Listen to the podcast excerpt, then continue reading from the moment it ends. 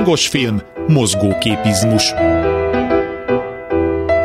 Történelem a filmek tükrében, politológus szemmel. Műsorvezető Tímár Ágnes. Jó napot kívánok a szerkesztő műsorvezető Tímár Ágnes köszönti Önöket. A mai adásban folytatjuk Pár Ádámmal sorozatunkat a liberalizmus eszméjének kialakulását, megszilárdulását bemutató filmekről. Hajrá! Az izmusok sorát a konzervativizmussal kezdtük a mozgóképizmus előzmény műsorában, a hangos film szélesvásznú verzióban.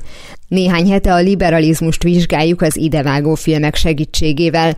Mivel az eszme a 18. századi megjelenéséhez képest szinte teljesen megváltozott, legalábbis a megítélése, így politológus vendégünk az első adást a kezdeti célok bemutatására fordította. A következő epizódokban már előkerültek azok a filmek, amelyek korhűen mutatják be az eszme korai időszakát. Ilyen volt a Hercegnő, valamint a Méla Tempefői című tévéfilm, amelyekről beszéltünk. Majd egy újabb alkotás lett az elemzésünk tárgya. Pár Ádám történész politológussal, a Méltányosság Politika Elemző Központ munkatársával a Jefferson Párizsban című filmről beszélgettünk, amely még mindig a kezdeti időszakot mutatja be. Amolyan viszonylagos szabadságot, egy valamihez képest való egyenlőséget. Mivel az alkotás Jefferson magánélete mellett a világnézetére is fókuszál, láthatjuk mennyiben ítélték meg másképp a formálódó liberalizmust Amerikában és Európában. Továbbá azt is megvizsgáljuk a film kapcsán, hogy vajon a liberalizmus és a hazaszeretet miként viszonyul egymáshoz. Thomas Jefferson nem akarta például azt, hogy hogy legyen nemzeti bank az Egyesült Államokban, mondván, hogy azzal már is egy olyan útra lépünk, mint Nagy-Britannia, hogy majd egy szervezet fogja itten megkavarni a 13, hát egykor gyarmat, most már államnak a pénzrendszerét, és majd fogják nyomtatni ott majd szépen a bankókat, de miért kell azt megtenni? Miért nem lehet az, hogy mind a 13-nak van külön bankja. Nem volt szó se az alkotmányban, se a függetlenségi nyilatkozatban ugye egy központi bankról. Thomas Jeffersonnak ez mutatja meg a szociális oldalát, hogy ő fenn akarta tartani az Egyesült Államokat egy farmer köztársaságnak, tehát hogy legyen egy egalitárius életnívó, persze vannak nyilván gazdagok, akik megdolgoztak a pénzükért, zárójel vagy nem, zárójel bezárva, nyilván Nyilván vannak olyan szegények, akik hát szegények, meg vannak rabszolgák, de legyen egy széles farmer rétegen alapuló középosztály.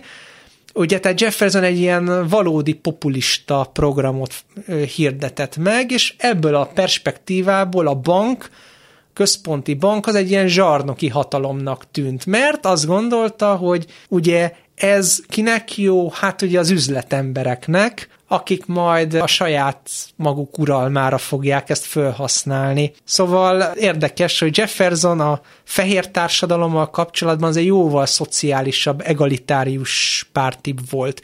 És akkor ez megint oda vezet vissza, hogy ugye nem lehet ezt a déli arisztokráciát sem egyöntetően elítélni, és egyöntetően csak elitistának tekinteni. Tehát ebből azt akartam kihozni csak, hogy ezek az alapító atyák, mint Jefferson, is igyekeztek egy világos játékteret kijelölni, és ugye az volt a motto, ezt egy John Dixon nevű ember fogalmazta meg, hogy csak a tapasztalat vezessen bennünket, a józanész félre vezethet, tehát, hogy ami jó volt a brit uralomban, azt őrizzük meg, minél többet abból, és ne változtassunk állandóan mindenen. Egyébként ez az amerikai hagyományban annyira így van, hogy az Egyesült Államokban nem lehet csak úgy kétharmaddal alkotmányt változtatni. Mm. Tehát Donald Trump a fején foroghat, akkor se fogja tudni. A világ leghatalmasabb embere, akár Trump, akár más soha az életben nem tudja az amerikai alkotmányt megváltoztatni.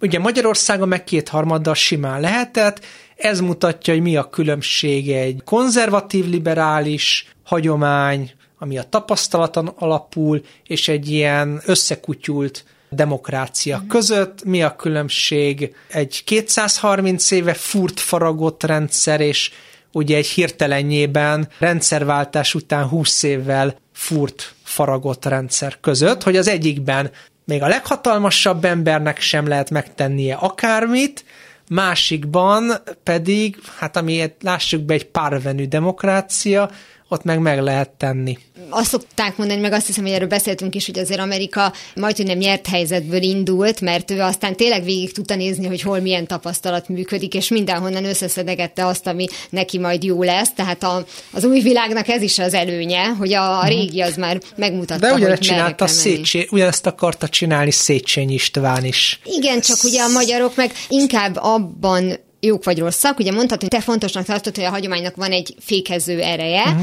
és ez az, amit ugye félreértelmeznek, mert valóban fontos ez a fékező erő, de valaki ezt egy ilyen végleges féknek tekinti, magyarán, uh-huh. hogy röghöz kötődik, és nem akar tovább lépni. Tehát Széchenyi jöhetett itt a angol WC-től kezdve az összes többi ötletével, hogyha a magyar nép alapvetően nem nyitott. Tehát, hogy már olyan értelemben, hogy nem mer belevágni az újba, és ránk még jobban igaz az, amiről a múltkori adásban beszéltünk, hogy inkább választjuk az ismert rosszat, mint az újat, ami hát lehet, hogy jó, hát de lehet, hogy még rosszabb, mint ami volt. Uh-huh. És mhm. ezt a rosszat már megszoktuk. Szóval ez egy nagyon érdekes ellentmondás Jefferson esetében, hogy miközben ő nagyon sok tekintetben déli hagyománykövető volt, annak a igazi, elegáns úri módjával, ugye erről is beszéltünk, hogy azt valójában a dél tudta megőrizni leginkább, Amellett azzal, hogy ő például kiment ugye Párizsba, ott volt, és hát lelkesedett mondjuk így, őt ilyen forradalom szeretőnek gondolták a hazájában. Végülis forradalmak azért születnek, mert valami változtatni akarunk. Uh-huh. Tehát, hogy így akkor nem tudom, hogy az ő karaktere hogyan rajzolódott ki az akkori emberekben, hogy most akkor mégiscsak az a fajta, aki felforgatná a világot újra meg uh-huh. újra, mert olyan jó felforgatni,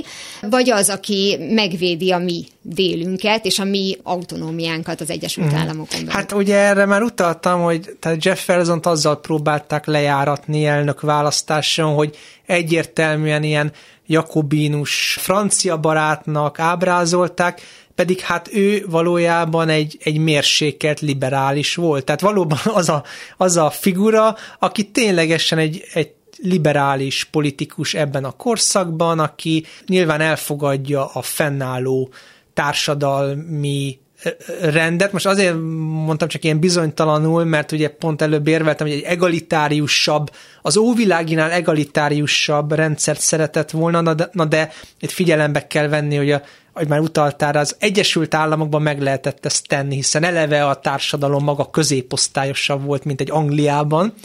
Úgyhogy tulajdonképpen Jefferson, amikor kicsit konzervatívnak tekintik a mai világból már, hát akkor ő ő egy, egy egalitáriusabb, középosztályosabb társadalom modellt akart konzerválni. Csak hát a saját korszakában itt Európában meg ez abszolút egy liberális uh-huh. felfogás volt, meg a, az ellenfelei, politikai ellenfelei számára, akik inkább Nagy-Britannia politikai struktúráját tekintették példaértékűnek, minusz király, ha bár megjegyzem, hogy voltak tervek a hadseregben arra, hogy George Washington-t királyá koronázzák, tehát katonatisztek elhatározták, hogy bevonulnak Filadelfiába, tehát csinálnak egy ilyen filadelfiai menetet, ugye Mussolini Marcia su Rómája, mint előzményeként egy March to Philadelphiát, és szétkergetik a kongresszust, és királyá kiáltják ki George Washington-t.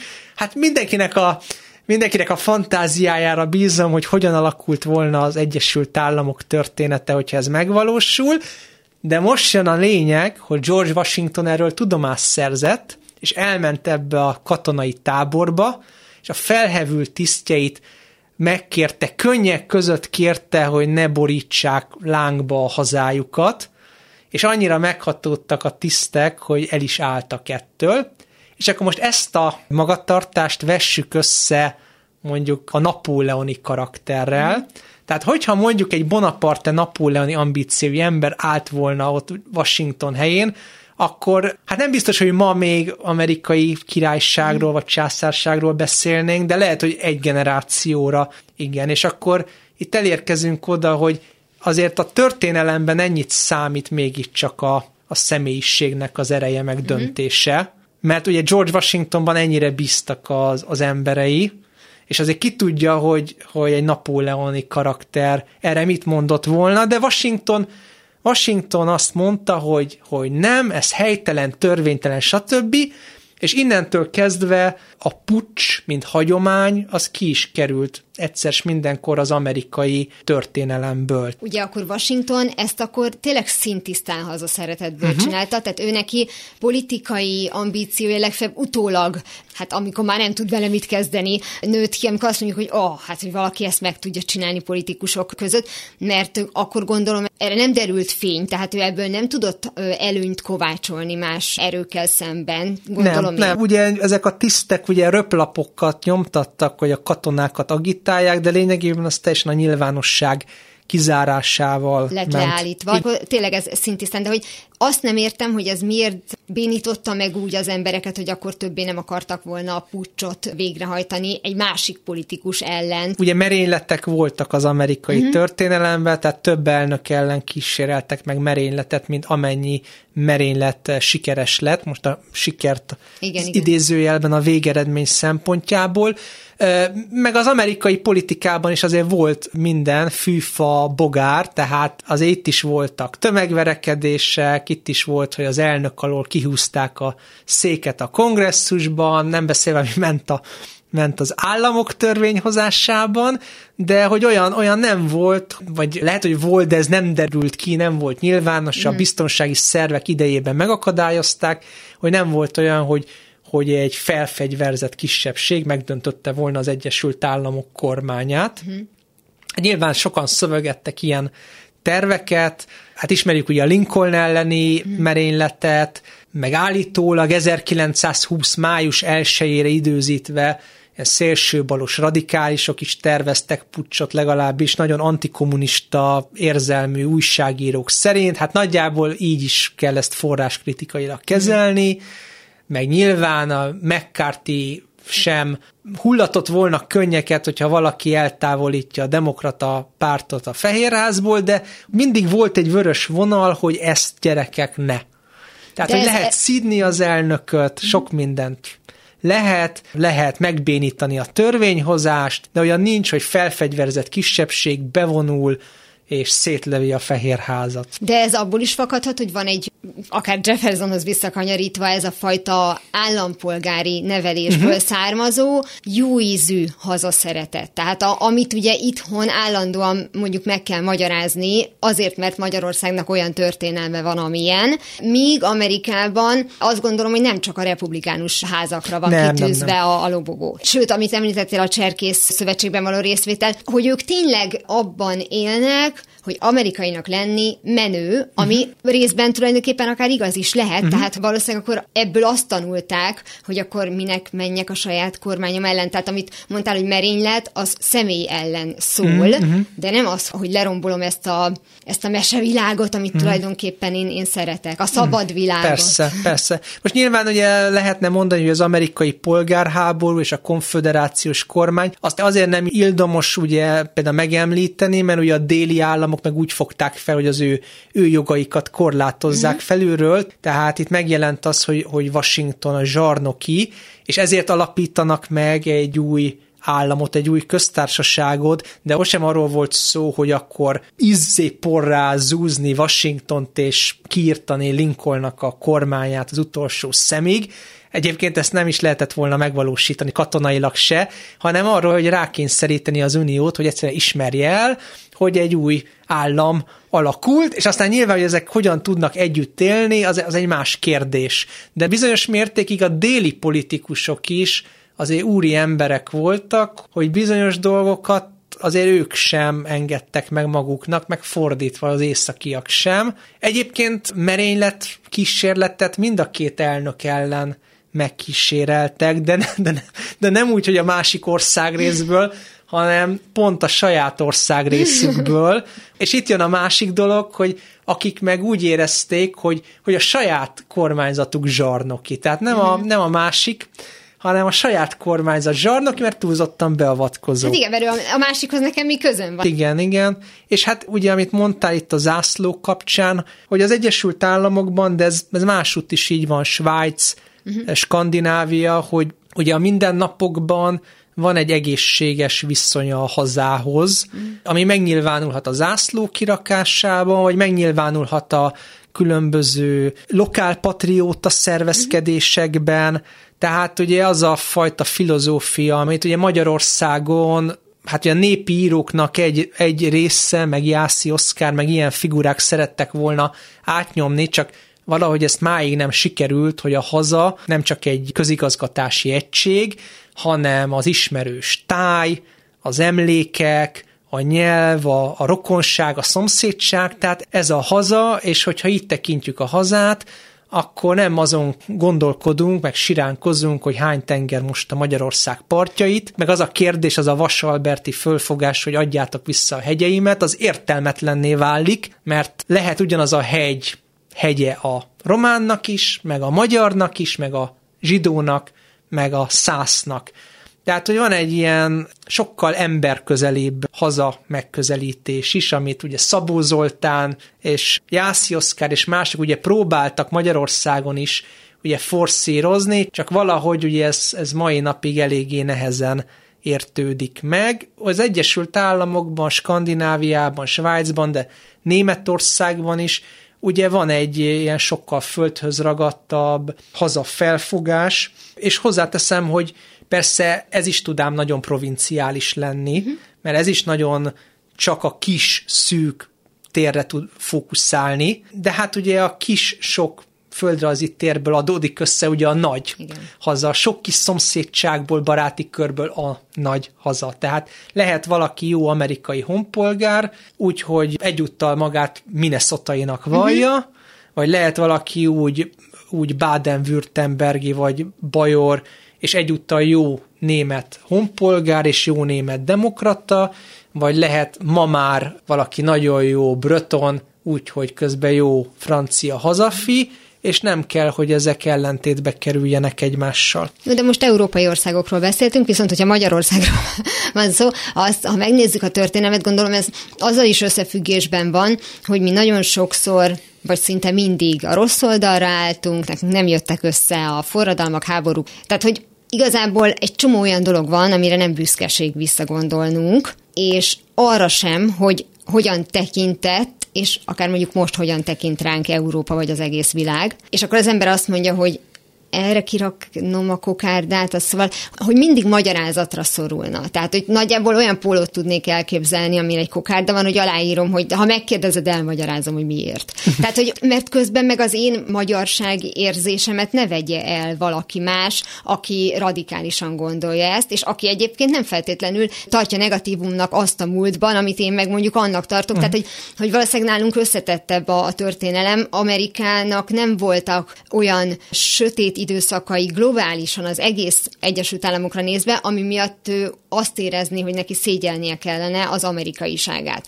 Mert egyébként én azt látom, hogy magában a magyar állampolgárban az az érzés, vagy az az iránti igény, az igenis megvan, hogy például legyen lokálpatrióta, hiszen tök büszkék, akár mondjuk hírességek is, hogyha zugló, új hát, város, akár, hogy annak hmm. mondjuk a díszpolgára hmm. lesz, mert oda, ott született, vagy oda költözött, vagy akármi, és az egy közösség része, mert az nem hordoz magába olyan negatív történelmi mm-hmm. hagyományokat, ami miatt neki egyáltalán meg kéne kérdőjelezni, hogy miért ne lehetnék büszke arra, hogy mondjuk zuglói vagyok. Igen, igen, igen, igen. Ez való igaz, hogy más a magyar történelem, meg ugye itt eleve hát volt egy ország csonkítás, amit mondjuk úgy ebben a formában persze az Egyesült Államok nem élt meg, meg Franciaország, viszont ugye Németország már az érdekesebb kérdés, mert Németország átesett egy nagyon radikális átnevelésen, és ne felejtsük el, hogy azért volt egy tömeges német menekült hullám Kelet-Európából,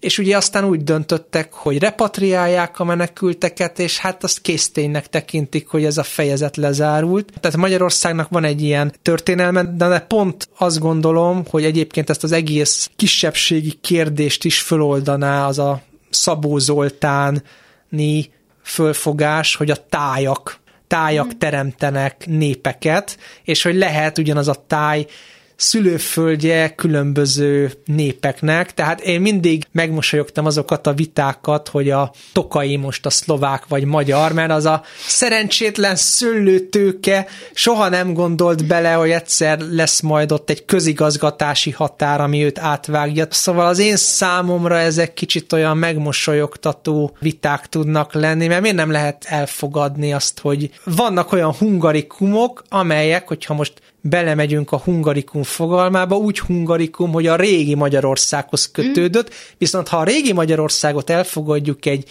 sok nemzetiségű egységnek már pedig el kell fogadni, akkor, akkor mi a baj azzal, hogy akkor, a akkor, is, akkor egyúttal szlovák is, meg russzin is, kvázi ukrán most abban a, abban a földrajzi térben, mm. de ugye említhetnénk más példákat is.